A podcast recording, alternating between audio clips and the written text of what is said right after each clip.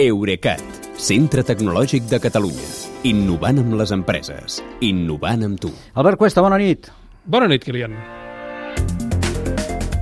Dèiem en començar a la portada de l'informatiu que el Parlament Europeu ha aprovat, sí, finalment, avui, per àmplia majoria, les dues lleis que volen frenar els excessos dels gegants tecnològics, en particular nord-americans, però també xinesos, eh, que ens afecten a nosaltres, ciutadans europeus. Sí, aquestes dues directives europees són la de mercat digitals i la de serveis digitals. I amb aquestes, la Unió Europea es converteix en la primera jurisdicció del món que adopta un marc complet que regula l'espai digital. I això no és poca cosa, considerem que som un mercat únic amb 450 milions de consumidors.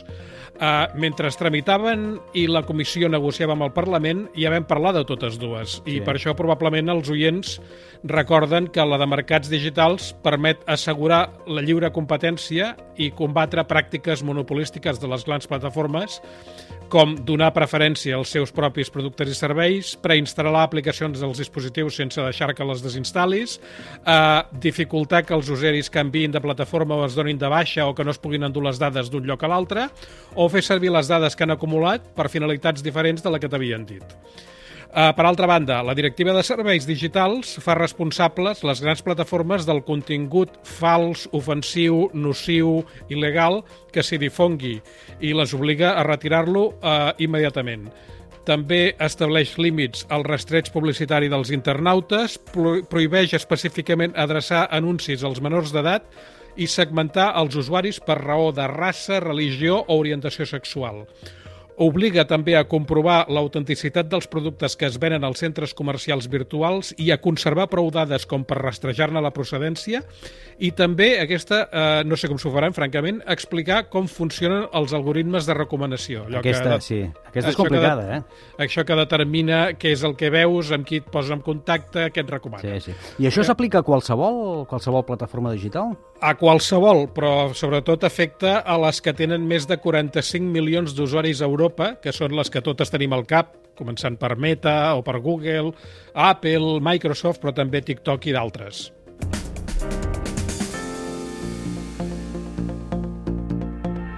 Sí, però deixa'm dir que en el passat Brussel·les ja ha multat tecnològiques per saltar-se alguns d'aquests principis, no? I tant, però ho ha fet com a resultat d'investigacions a posteriori perquè ho ha aixecat el dit i s'ha queixat. Yeah. Uh, la novetat és que ara aquests principis estan definits per endavant, estan posats, uh, estan gravats en pedra, diguéssim, en sí. pedra virtual, i les plataformes saben que si no els respecten els cauran unes multes enormes, que poden ser del 10% del que facturen anualment, no a Europa, sinó a tot el món, la primera vegada, i si reincideixen, el doble. Però creus que les dues directives aprovades tindran efecte? Uh, jo crec que sí, però també crec que costarà. D'entrada, avui les ha aprovat el Parlament Europeu, però com és tradicional en aquesta Europa que tenim, uh, ara les han d'aprovar i transposar cadascun dels estats membres. O sigui que, en el millor dels casos, ens posem a finals de 2023 o començaments de 2024. Yeah. Però probablement l'obstacle principal, tal com pinta ara, serà la manca de recursos per fer complir les dues directives.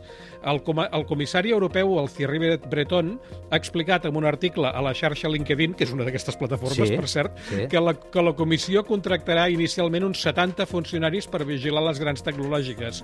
Però eh, al darrere han sortit moltes veus avisant que amb això no n'hi ha ni per començar davant la potència tècnica i també jurídica de les empreses digitals.